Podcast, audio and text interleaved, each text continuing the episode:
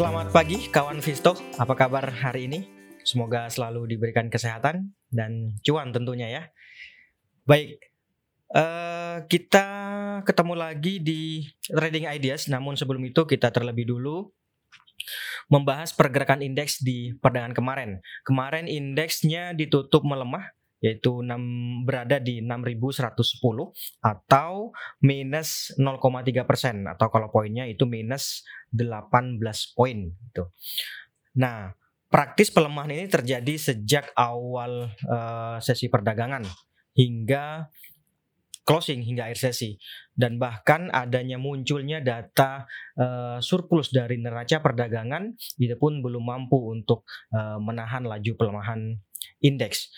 Kemudian saham-saham apa saja sih yang membawa indeks ini melemah? Yang pertama ada BCA, kemudian BRI, ada Astra, ada Arto dan BBHI. Semuanya hampir uh, blue chip dan memiliki kapitalisasi yang besar, kapitalisasi pasar yang besar. Kemudian saham-saham yang menghambat laju pelemahan indeks itu ada SMMA, kemudian ada Buka, ada Selis atau Eslis, kemudian ada Bank Danamon, terakhir ada uh, Mandiri. Itu lima besar yang menghambat laju pelemahan indeks. Kemudian untuk transaksi asing sendiri di perdagangan kemarin asing masih net buy, net buy 94.8 bio. Uh, cukup sedikit tetapi sebenarnya kalau di reguler sendiri dia mencatatkan net buy sebanyak 363 bio hanya karena di pasar negonya atau di pasar non regulernya asing mencatatkan net sell sebanyak 268 bio maka secara keseluruhan menjadi net buy hanya 94 bio. Itu kemudian sama apa saja sih yang banyak ditransaksikan asing di perdagangan kemarin? Untuk net buy-nya asing di perdagangan kemarin banyak beli saham Buka, kemudian ada Bank Mandiri atau BMRI, kemudian ada saham Telkom, Astra atau ASII, kemudian yang terakhir ada ICBP. Itu lima besar saham yang banyak dibeli oleh uh, asing. Kemudian lima saham yang banyak dijual oleh asing antara lain ada Bank Bank BNI, BNI, kemudian ada Excel, kemudian ada lagi INKP, Arto dan era itu lima besarnya yang banyak dijual oleh asing di perdagangan kemarin. Bagaimana dengan outlook hari ini? Nah, kalau kita lihat di sini Ya, di sini ya. Ini dua candle terakhir. Ini uh, formasinya bearish harami gitu ya. Sebagaimana yang saya sampaikan kemarin bahwa memang indeks uh, masih ada peluang penguatan tetapi sudah mulai terbatas gitu ya. Dan apa namanya? Uh, berpotensi untuk mengalami koreksi. Nah, hari ini juga ada potensi untuk kembali terkoreksi dengan munculnya formasi bearish harami ini gitu. Jadi meskipun kalau kita lihat di sini stokastik masih ada kecenderungan uh, menguat gitu ya. Kemudian ini juga MACD-nya juga cenderung menguat, tetapi ini semua kan uh, lebih lambat dibandingkan dengan harga itu sendiri. Oleh karena itu diperkirakan hari ini akan kembali bergerak fluktuatif atau melanjutkan konsolidasi dengan kecenderungan melemah terbatas. Bisa saja di awal dibuka uh, menguat, kemudian ditutup melemah ataupun sebaliknya. Itu untuk indeksnya. Kemudian ide trading Oh ya, barangkali ada yang mau didiskusikan atau sharing ide trading juga boleh. Boleh langsung disampaikan gitu ya. Kemudian ide tradingnya pertama ada Wika. Nah ini kemarin uh, cukup menarik saya pikir ini Wika. Penguatan yang terjadi tampaknya sedang mencoba untuk bergerak di atas 1100 dan saya pikir ada peluang untuk uh, melanjutkan penguatannya. Ini idealnya trading buy. Kenapa trading buy? Karena sejatinya memang resisten terdekatnya itu sudah resistennya itu atau target take profitnya sudah uh, cukup dekat gitu ya, yaitu berada di 1145 ini kawan. Itu Entry levelnya di mana? Entry levelnya saya pikir bisa di 1090 atau 1090 sampai dengan 1110. Itu. Target take profitnya ada di 1145 sampai dengan 1170 di atasnya ini kawan. gitu ya. Kalau melihat uh, stokastik yang mengalami bullish crossover atau cenderung menguat ini berada di wilayah netral tetapi cenderungnya menguat, menguat saya pikir masih ada peluang untuk uh, melanjutkan penguatannya. Atau kalau mau buy on weakness boleh juga. Kalau mau buy on weakness bisa di 1050 nih di sini 1050 sampai dengan uh, 1000 1080 juga masih boleh. Itu jadi ada dua strategi ya. Pertama boleh trading buy kalau mau trading buy bisa di 1090 sampai dengan 1110 atau buy on weakness boleh di 1050 sampai dengan 1080 atau 1090 juga boleh. Itu. Stop lossnya kalau dapat harga di 1090 saya pikir harusnya di bawah 1050 boleh uh, pertimbangkan untuk stop loss ya. Karena ini kan support juga nih. Pelemahan di bawah ini uh, apa namanya? uh, khawatir lebih dalam lagi nanti. Tetapi kalau dapatnya di harga 10.50 kita berikan toleransi bisa di bawah 10.20 uh, apa namanya level untuk cut lossnya. Itu untuk Wika. Kemudian ada lagi Tebik. Nih Tebik. Tebik Ya, kemarin uh, masih direkomendasikan Tebik ini. Kemarin juga sempat bergerak menguat, hanya saja kemudian ditutup bertahan di 2990. Saya pikir belum ada banyak perubahan, jadi masih boleh dipertimbangkan untuk uh, spekulatif buy. Spekulatif buy ya entry-nya bisa di 2950 sampai dengan 2990. Targetnya masih di 3080 sampai dengan 3100 di garis uh, biru ini kawan. Ini sudah mulai confirm ya, stokastik bullish crossover. Nanti stop lossnya di bawah 2900 di bawah yang uh, sini kawan. Garis biru ini. Gitu ya. Bagaimana coba kita lihat weekly-nya bagus nggak sih weekly-nya? Nih, weekly-nya masih bagus. Weekly-nya bagus ini. Ini uji support uptrend line, kemudian ini juga uh, bullish crossover. Jadi saya pikir boleh dipertimbangkan untuk uh, spekulatif buy ini. Tebik. Itu untuk Tebik. Berikutnya ada ASII. ASII. Ya, kalau kita lihat ASII ini ditutup melemah dan tampaknya belum mampu untuk bertahan di atas MA 200. Jadi saya pikir uh, bisa dipertimbangkan untuk take profit bagi yang sudah punya gitu ya atau sell on strength gitu ya uh, boleh di 5 500 5 500 sampai 5425 juga oke okay sih masih boleh kemudian kalau kita lihat ya ini kenapa ini uh, on strength ini kan tekanannya cukup tinggi nih. Long black candle. Kemudian uh, di sini juga bearish crossover atau bergerak meninggalkan wilayah overbought. Jadi potensi pelemahannya uh, lebih tinggi. Itu kemudian nanti bottom fishingnya kalau bottom fishingnya ada di sini kawan, di garis biru ini. 5250 atau di bawahnya sekalian 5150 di uji EMA uh, 50 ini. Itu bottom fishingnya. Gitu ya. Buyback nanti kalau harga mampu menguat hingga di atas 5600. Di atas sini kawan, sebentar saya kasih garis. Buybacknya di atas sini. 5600. Gitu ya. Oke. Kemudian berikutnya ada lagi Java. Oke, Java. Ya, barangkali ada yang mau sharing-sharing trading ideas, boleh disampaikan ya. Atau mau diskusikan uh, saham-sahamnya juga boleh. Boleh. Santai saja. Oke Java Java ya. Oke Java kalau kita lihat di sini Java tampaknya belum mampu untuk melewati resistance level yang ada di 1955 dan saya pikir ini akan ada potensi untuk mengalami uh, koreksi lebih lanjut. Jadi idealnya ini boleh dipertimbangkan untuk take profit atau sell on strength. Gitu.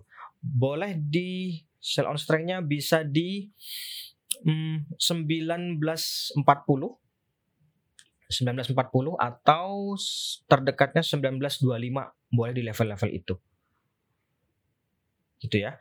Tahu kalau misalnya hari ini kembali dibuka melemah sampai di bawah 1905 misalnya ya boleh juga dipertimbangkan untuk langsung jualan. Gitu. Gitu untuk Java nanti by uh, bottom fishingnya di berapa? Bottom fishingnya ada di 1835 kawan. Di ini garis yang biru ini kawan. 1835 atau di bawahnya yaitu di 1805 yang garis hijau ini. Gitu ya. Itu untuk Java. Buybacknya nanti kalau harga mampu menguat hingga di atas level psikologis 2000 boleh dipertimbangkan untuk uh, buyback. Gitu. Kemudian ada lagi uh, waskita. Nah ini menarik saya pikir waskita ini. Kenapa? Kemarin dia mampu untuk menguat setelah gagal melewati support level yang ada di 830 ini dan saya pikir ada peluang untuk melanjutkan penguatannya. Tetapi memang ada dua strategi yang bisa dipertimbangkan. Yang pertama adalah trading buy. Trading buy kenapa? Karena kemarin memang kenaikannya sudah cukup tinggi. Uh, terben, uh, apa namanya? long long white candle gitu ya. Ya take profitnya itu ada di 905. Makanya kenapa tadi saya sampaikan uh, sudah cukup tinggi. Nih 905 saya kasih garis kawan. Nih. 905 ada di sini. Di atasnya itu ada 930 yaitu ada di sini. 930. Gitu ya. Itu strategi yang pertama. Strategi kedua boleh juga buy on weakness. Gitu. Kalau mau buy on weakness boleh beli di 830 sampai dengan 850 saya pikir masih boleh gitu ya. Kalau mau trading buy, trading buy itu bisa di 860 sampai dengan 875 itu masih boleh. Gitu ya. Stop lossnya nanti kalau harga kalau dapat harga di 860 saya pikir stop lossnya bisa di bawah 830. Tapi kalau dapatnya di harga 830 ya bisa di bawah 800 sih stop lossnya. Gitu ya. Gitu untuk uh, waskita. Berikutnya ada LPCK. Siap kawan. Nih, LPCK. ya, kemarin juga sempat di uh, maaf. Nih ya, kalau kita lihat M, uh, apa namanya LPCK ini sampai dengan saat ini dia belum mampu untuk uh, melewati resistance level di 960. Jadi idealnya sih menurut saya ini mending buy on breakout. Buy on breakout di atas 960. Nanti targetnya di berapa kalau mau main jangka pendek ini? Targetnya di 1010. Coba kita lihat weekly-nya ya. Nah, ini weekly-nya. Ini dia ketahan di sini. Di sebentar, ya, di sini kawan. Nih, ini weekly-nya dia ketahan sini. Memang sih sudah ada peluang untuk uh, bergerak menguat karena ini kan ini weekly ya. Ini weekly berarti sudah sekitar lima minggu atau satu bulan dia mengalami konsolidasi. Semuanya stokasnya cenderung menguat gitu ya. Tetapi kenapa idealnya adalah buy on break karena dua hari terakhir ini sebenarnya dia mengalami tekanan. Oke, sehari sebelumnya sehari sebelumnya dia mampu ditutup menguat tetapi kalau kita lihat di sini kan uh, ada apa namanya tail yang sangat panjang yang menunjukkan bahwa tekanan jual terjadi di akhir-akhir perdagangan. Kemudian kemarin tertutup koreksi ya ditutup koreksi juga. Sehingga oleh karena itu kita tunggu muncul lagi dorongan belinya. Nah, confirmnya itu seharusnya bisa di atas resisten level 960. Jadi bisa juga dipertimbangkan untuk uh, apa namanya buy on breakout di atas itu. Tapi kalau misalnya kemarin sudah dapat di harga 910 915 bahkan terus mau jualan jangka pendek gitu ya bisa juga dipertimbangkan untuk take profit di 960 gitu ya. Itu untuk uh, eh, LPCK kemudian berikutnya true. Woi. True. Sebentar saya ganti dulu ya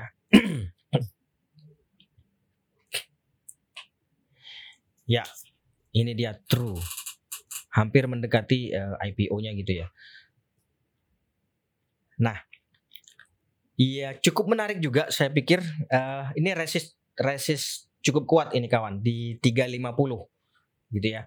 Barangkali kemarin dapat, saya pikir uh, take profitnya ada dua nih. Ini kan pergerakannya khawatirnya uh, barbar, jadi boleh dipertimbangkan kalau kemarin ikut take profitnya di 302 atau 304 gitu ya. Kalau belum ikut memang sehari ini memang ini ada peluang untuk melanjutkan penguatannya gitu ya. Tergantung apakah dengan target take profit paling dekat itu 304 itu uh, masih layak dan logis untuk masuk misalnya secara persentase masuk ya boleh saja kalau uh, apa namanya kalau masih masuk gitu ya. Tapi yang jelas resist kuatnya itu ada di 350 ini. Nah, kalau misalnya atau kalau misalnya hari ini ternyata dia naik sampai di atas 304 kemudian uh, menuju 350 katakanlah demikian, ternyata nggak kuat jadi 304 ini saya pikir boleh dipertimbangkan sebagai uh, trailing stop gitu ya itu untuk uh, apa namanya uh, true. Kenapa ini kenapa 350 ini merupakan resist cukup kuat? Nah, alasannya begini kawan. Ini karena karena grafiknya cuma nampaknya uh, sedikit ya. Jadi nggak bisa lagi karena datanya memang masih sedikit. Nah, karena ini merupakan neckline dari uh, apa namanya pattern yang terbentuk yaitu patternnya adalah double top. Biasanya ketika dia melewati neckline ini, dia akan mengalami uh, apa namanya pullback terlebih dahulu sampai uji 350 ini. Jadi saran saya kalau memang kemarin masuk boleh juga dipertimbangkan take profitnya di 350 ini dulu gitu ya. Nanti penguatan di atas 350 baru kita uh, apa namanya pertimbangkan lagi apakah mau diteruskan masuk lagi kita ikut uh, apa namanya penguatannya lagi atau sebaiknya kita cari yang lain nah gitu ya. Tapi yang jelas untuk saat ini dia resistennya ada di pertama di 304 kemudian di atasnya ya yang cukup lemah itu di sini kawan di 322. Jadi 304, 322 kemudian 350. Itu untuk true. Kemudian berikutnya range. Range. Wih. Ini sahamnya kawan satu nih mantap kali ya, Fredersio. Yang jelas ini uptrend, minor uptrend, itu ya. Ini supportnya di sini. Ini dia. Jadi kalau mau uh, ikutan range, saya pikir ada dua. Yang pertama boleh buy on weakness di 2150 uh, itu juga boleh. Ini supportnya di 2150 atau kalau hari ini misalnya dia menguat sampai di atas 2250 juga boleh ikutan lagi. Gitu ya. Resistnya yang jelas ada di 2410 di sini kawan, di garis yang hijau ini kawan. Gitu. Jadi kalau mau buy on weakness tadi boleh dipertimbangkan 2150 sekaligus nunggu uh, stokastiknya ini uh, bullish crossover gitu ya. Atau kalau hari ini bisa di atas 2 250 bisa juga ikutan uh, spekulatif buy. Resistnya itu pertama ada di 2330, kemudian di atasnya ada di 24 uh, 10 gitu. Saya pikir cukup menarik ini. Range. Kalau kita lihat di sini ya, ini uh, ada peluang juga ini mengalami parabolik. Jadi misalnya ini penguat kemudian dia uh, sideways menguat lagi kemudian uh, koreksi lagi menguat lagi ini sideways lagi bisa jadi menguat lagi nah gitu kan ya. Gitu. Itu untuk uh, range. Ada lagi ya sudah ya oke saya pikir itu dulu mungkin kawan Visto untuk hari ini. Kita jumpa lagi besok. Sekali lagi mudah-mudahan nggak bosan. Terima kasih atas perhatian dan uh, kehadirannya. Kita jumpa lagi besok. Salam investasiku. For better tomorrow.